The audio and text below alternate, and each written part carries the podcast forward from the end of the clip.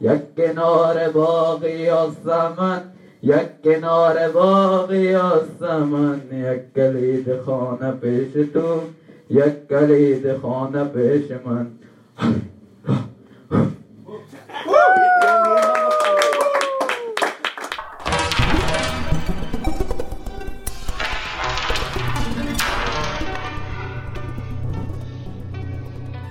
Tenker kanskje at terapi gjennom musikk høres svevende ut, som noe alternative greier. Nå skal du få sjansen til å oppleve musikkterapi i praksis. Vi skal bli med tett på musikkterapitimer. Nyfødte Ludvig har virkelig kjempet seg fram til denne verden. Gutta på asylmottaket har også kjempet seg fram fra liv i krig og til kanskje et liv i Norge. Nå er det opp til de tidligere NMH-elevene Tora og Sofie å gi dem terapi med musikk. Dette her er lyden av musikkterapi.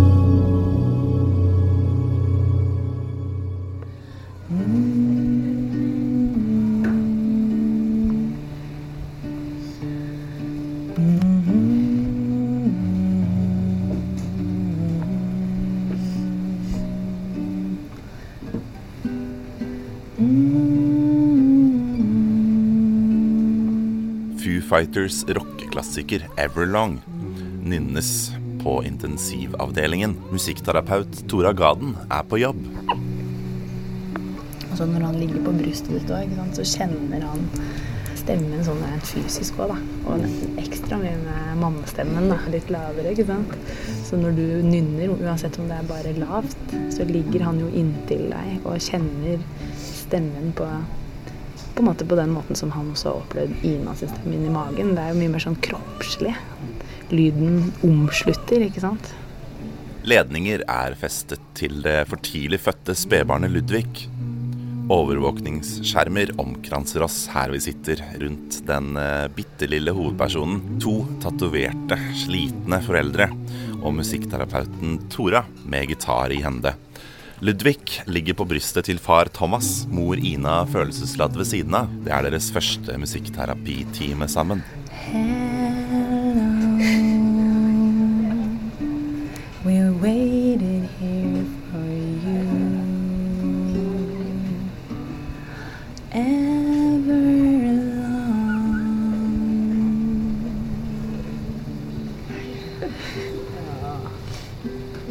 Musikken vekker mange følelser. Ja, det gjør jo det. Ja. Det er jo en spesiell situasjon man er i her, så Mm. venta lenge på den, da. Venta lenge på Selv om han kom litt tidlig til slutt, plutselig. så det betyr veldig mye altså for meg, musikken og, og sånne ting. Det setter jo følelser i spill. Mm. Det gjør det. Mm. Ja. Så er det litt barselstårer og litt sånn. sånn. Det er jo mye. God miks.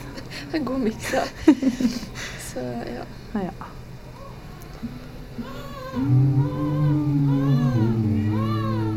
Jeg møter Tora på Akershus universitetssykehus, hvor hun jobber som musikkterapeut i et stort spenn med barn, ungdom og familier, i tillegg til pionerprosjektet ved nyfødtavdelingen. Det eneste av sitt slag i Norge. Du kommer jo inn i eh, den største situasjonen i livet til folk. Det, folk har fått et barn, noen for første gang. Eh, noen har fått eh, barn før, men noen har fått barn som er sykt. Ting har blitt eh, på en helt annen måte enn de har sett for seg. Så det er jo familier som står i en ganske heftig situasjon. De er på en måte, Mange er jo overlykkelige og i sorg eh, i kombinasjon, ikke sant. Tora går kledd med hvite sykehusklær, som alle de andre ansatte. Men i stedet for sprøyte og stetoskop triller Tora rundt med et piano, bærer på en gitar eller rytmeinstrumenter. Jeg har alltid holdt på med musikk. da. Vært med i band, lagd låter. Jeg har gått på musikklinja. Liksom, musikk har vært en veldig sånn stor del av livet. da. Supernerd. Kjøpe masse CD, bare være helt hekta egentlig på alle slags nivå. jeg hadde egentlig ikke tenkt at jeg skulle bli musiker. da. Jeg vet ikke helt hvorfor. Jeg hadde ikke den der store musikerdrømmen. Jeg bare likte veldig godt å holde på med musikk. Så kom musikkterapistudiet på Norges musikkhøgskole henne for øre. Yes! Her er jo liksom the best of eh, both worlds. Her kunne jeg liksom få kombinere det der med musikk og menneske, da. Så, når vi kommer inn her, så vil det liksom Det er en ganske dempa atmosfære, da. Vi vender tilbake til musikkterapitimen til Ludvigs lille familie. Sitter dere og koser dere? Åssen er det med han nå, da? Sov litt, tror jeg. Sov litt og slappe godt av. Så fikk jeg også høre om konserten som dere har vært på. Du sitter jo her i Foo Fighters T-skjorte. Det var, det var faktisk tilfeldig i dag morges. Ja, det var det. Vi får jo smake litt på småbarnslivet, det med å stå opp og ikke ha helt med seg huet. Så ja, så det var faktisk tilfeldig i dag. Ja, det var det. Vi, vi driver jo med musikk eh, begge to. Spiller sammen eh, i et korps. Eh, Ina spiller klarinett, og jeg spiller bare barytonsaksofon. Jeg spiller også et storband og et uh, hardrockband. Mange lurer litt om hva slags musikk er det som passer for, for de her, da. Er det en type musikk som er bedre, og oppfordret til å tenke litt sånn også på hva slags musikk som dere liker, og som betyr noe for dere. For det er jo Det gjør det ofte Det tillegger en annen dimensjon til det, da.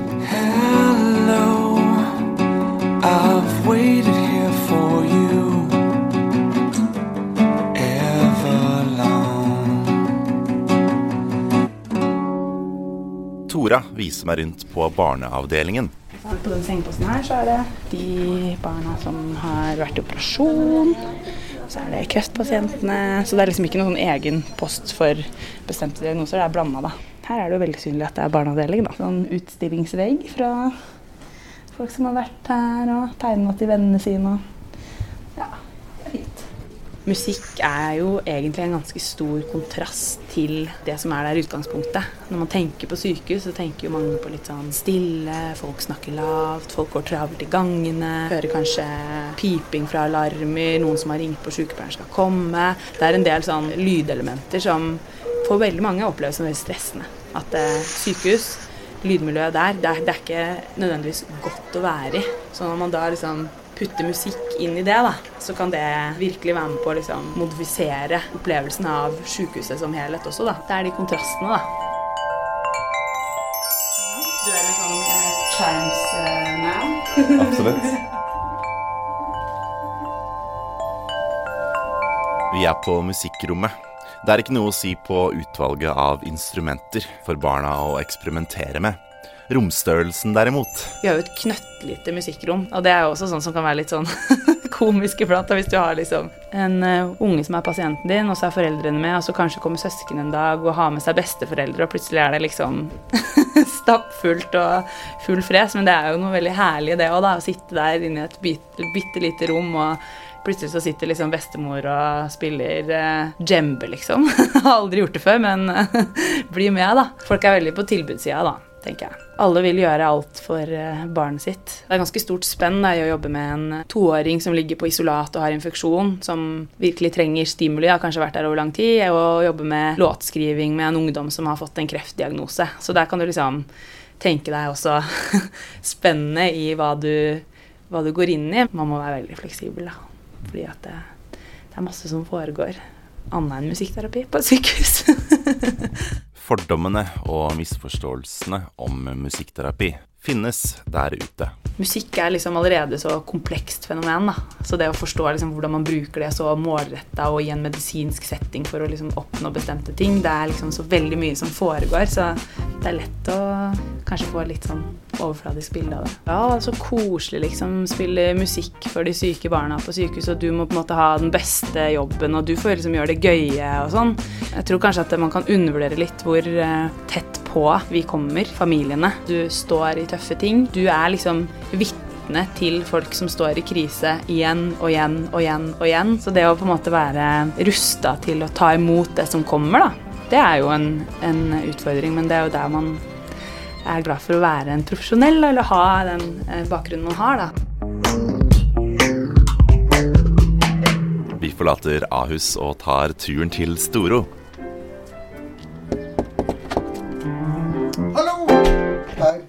Bor jeg. Jeg er vett på te til Trygve Aasgaard, en pensjonert, vaskekte musikkterapi-pioner. Her er det en skalmeie, første prototype på eh, en obo. Og så er det jo veldig mye annet. Oppe er det et cembalo, og nede er det et piano. Keyboard og trekkspill. Ja. Hva er hovedinstrumentet? Det var eh, trombone, men jeg har jo spilt all slags musikk. Men egentlig bare litt av mange ting. Jeg skulle kanskje ønske jeg var veldig god i én ting, men jeg tror ikke jeg er veldig god i noen ting.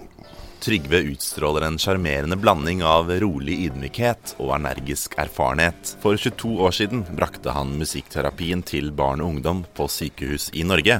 På slutten av 1960-årene var jeg student på Institutt for musikk. Og en dag var jeg på et på, nede på Hoveddeichman, som vi kalte det, og da dro jeg frem et tidsskrift fra hyllen der. Og da sto det en liten artikkel om en nordmann som hadde vært i England og opplevd noe som het musikkterapi. Forestilte meg vel at dette måtte være veldig meningsfylt for meg.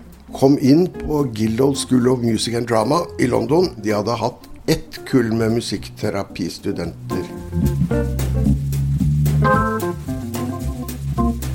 Med et flygel, kunstverk og artefakter fra mangt et verdenshjørne føles stua trang, men innbydende. Trygve står foran en velfylt bokhylle, hvor flere av bøkene bærer hans eget navn. Ringreven myser ut mot hagen mens han fortsetter. Og så ble jeg faktisk anmodet av flere om at jeg skulle bygge opp noe norsk tilbud på musikkterapi for kreftsyke og jobbe med de aller sykeste pasientene. Det syns jeg var interessant. Så gjorde jeg det. Det skjedde veldig mye på bare noen få måneder. Fra at jeg drev primært i store grupper, til at jeg var bedside på isolatene. Etter hvert så ballet det på seg. Ullevål, Bergen. I dag er det jo utrolig morsomt å vite at på alle landets universitetssykehus hvor det er barn, er det musikkterapeuter.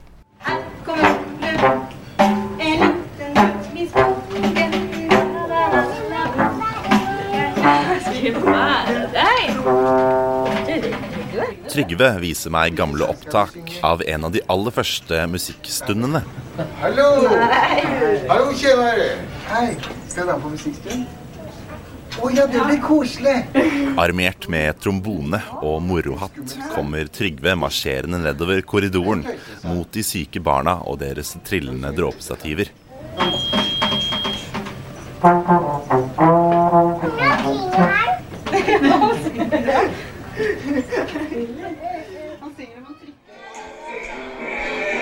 Og et par år etterpå så fikk jeg bare en SMS.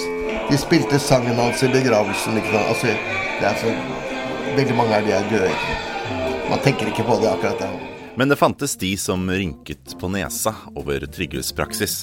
Det var klart at når mange av legene og andre personale som primært så meg ute i hallen, eller jeg gikk prosesjoner med trombone, student på trommer eller hva det var, noen ganger lang rekke av barn efter meg, så ble det liksom den lille tykke mannen som var en sånn moromann. Og det fikk jeg jo høre mye. Altså dette med at jeg da i neste øyeblikk satt ved et dødsleie, spilte lyre, sang forsiktig eller noe sånt, det var ikke det som var det viktigste. Hyggelig, trivelig, men ikke at det var spesielt nyttig for noe. Det har jeg gjort litt nummer av senere, for å si at ja, men det er faktisk viktig i forhold til, ja, la oss kalle det meningsfullhet.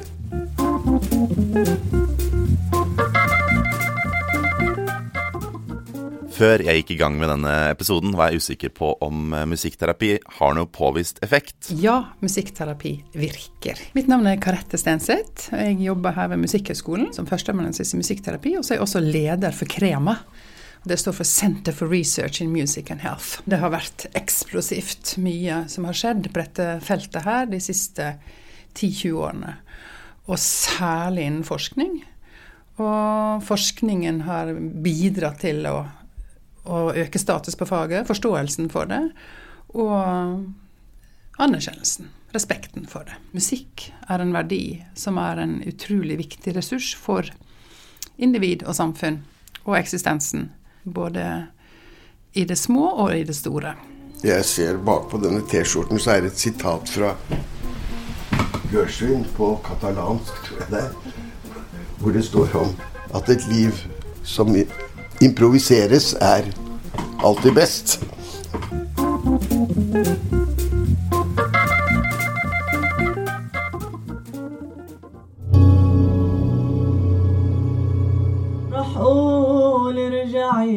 قصاية ما طلعت معي. يا ربي ساعدني يلا.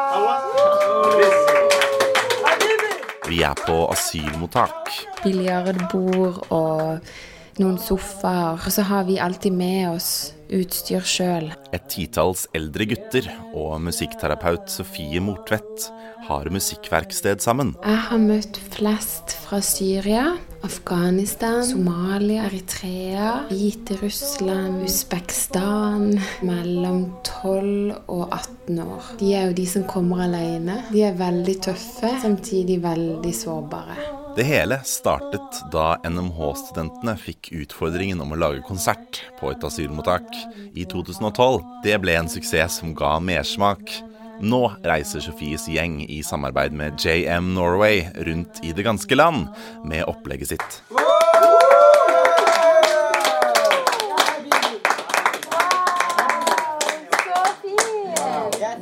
Når de kommer, så syns jeg veldig mange av de er litt sånn inneslutta, engstelige og redde for det vi skal. Og de vet jo heller ikke hva et musikkverksted inneholder. Derfor så har vi også brukt veldig mye tid på sånne tullete leker. Noen ganger så kan vi leke tullete leker i en time. Da ler de så mye. Det overrasker meg ofte veldig mye hvor mye sånn barn som ligger i alle sammen. Den der evnen til å leke og spille på trommer, f.eks. Veldig masse latter. Latter tenker jeg er en sånn en fin indikator på at vi er på vei riktig sted. Og etter det så syns jeg ofte at liksom stemninga er satt. Da er det ofte mye enklere, for de kaster seg ut i ting. Glemmer tid og sted og bare danser. Og om det minner de om der de kommer fra, eller hva enn det minner de om, så for meg så ser det i hvert fall ut som at da er det bare den dansinga de holder på med. Og kanskje ikke tenker så veldig mye mer på hva som har skjedd.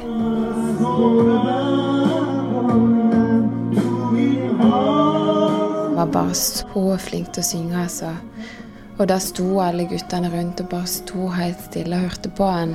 Og han sa til meg, han sa til meg etterpå, sier han, jeg synger litt hver eneste morgen. Da får jeg et bedre liv. Men det er ikke bare sanger fra hjemlandet som er populære på asylmottaket.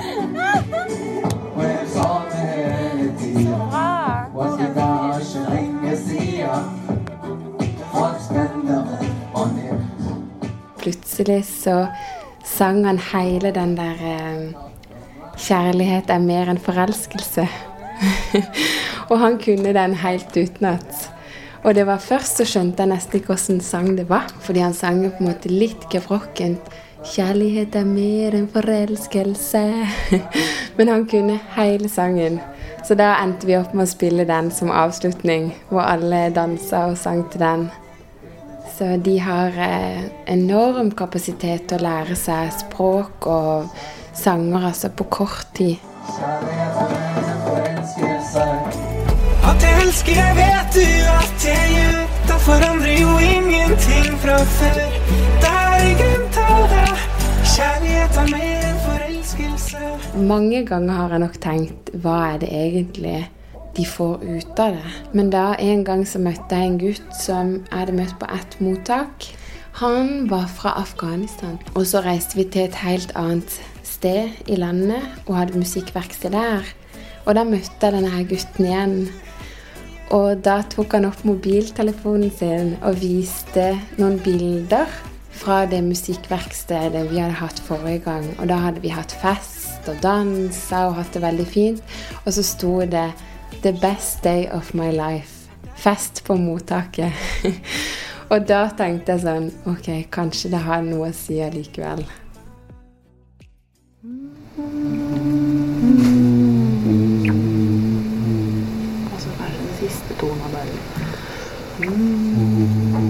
Tilbake til Toras eh, terapitime på Ahus. Åssen var det for deg? Fint. Jeg har jo sittet her og nynna litt for meg sjøl. Ja? Ja, prøver å indoktrinere litt sånn Kanskje litt Dream Theater og litt Foo Fighters og litt Pink Floyd. Og de. Jeg er jo livredd for at han skal bli en sånn bare høre på listepop. Og det, det, det, så du starter tidlig. ja, ja.